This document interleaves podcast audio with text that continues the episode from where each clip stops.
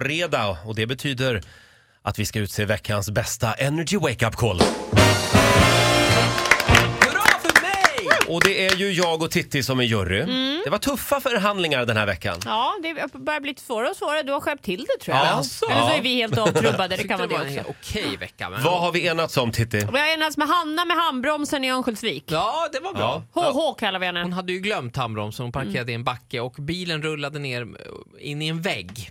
Ja. Problemet är bara att nu att nu ringer vi från polisen och det som var bakom den här väggen, då, då blev det lite mer komplicerat. Det här blir och dyrt. dyrt. Ja. Oj då. Riktigt dyrt. Just det. Det här är veckans bästa Energy Wake Up Call.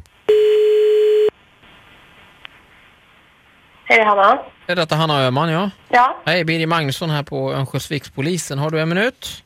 Eh, ja. har du åtgärdat det här med handbromsen? Mm, ska du åtgärdas? Du hade glömt handbromsen eller om den inte fungerade och din bil hade rullat in i en husvägg, visst var det så? Ja, nej den fungerade då var det att jag inte hade dragit åt den riktigt. Ja, vad bra, då har det löst sig där. Och, det, och det, allt som har skett runt det här, är det utrett? Ja, mm, eller vad menar du? Den här husväggen då, eh, som bilen rullade in i, insidan av den, där har det hänt en grej nu som jag måste ta med dig för det har upprättats en till anmälan här. Okej. Det är tyvärr så att det var en Carl Larsson-tavla som hängde på in- innanväggen där och ganska berömd, naken i skärgårdsljus. Och eh, den har då trillat ner nu Okej. så att det kommer komma ett försäkringskrav till dig. Okej.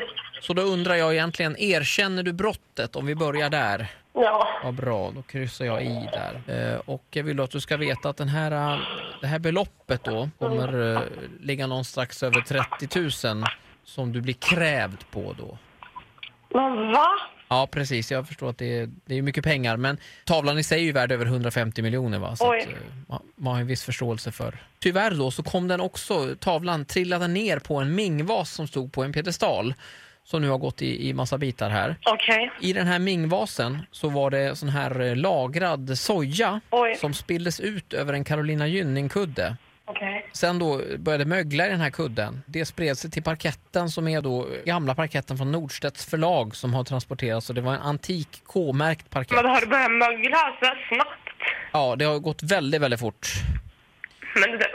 Ja, det är väldigt tråkigt. Men, men i alla fall, vi, vi kallar in dig på förhör och då kommer det förhör bli då med förhörsledare Roger Nordin, bisittare kommer vara Titti Schultz och jag själv, Ola Lustig, kommer stå för, jag kommer anteckna. Ja, förlåt Hanna om jag skrämde dig, det är Ola här på Henrik alltså.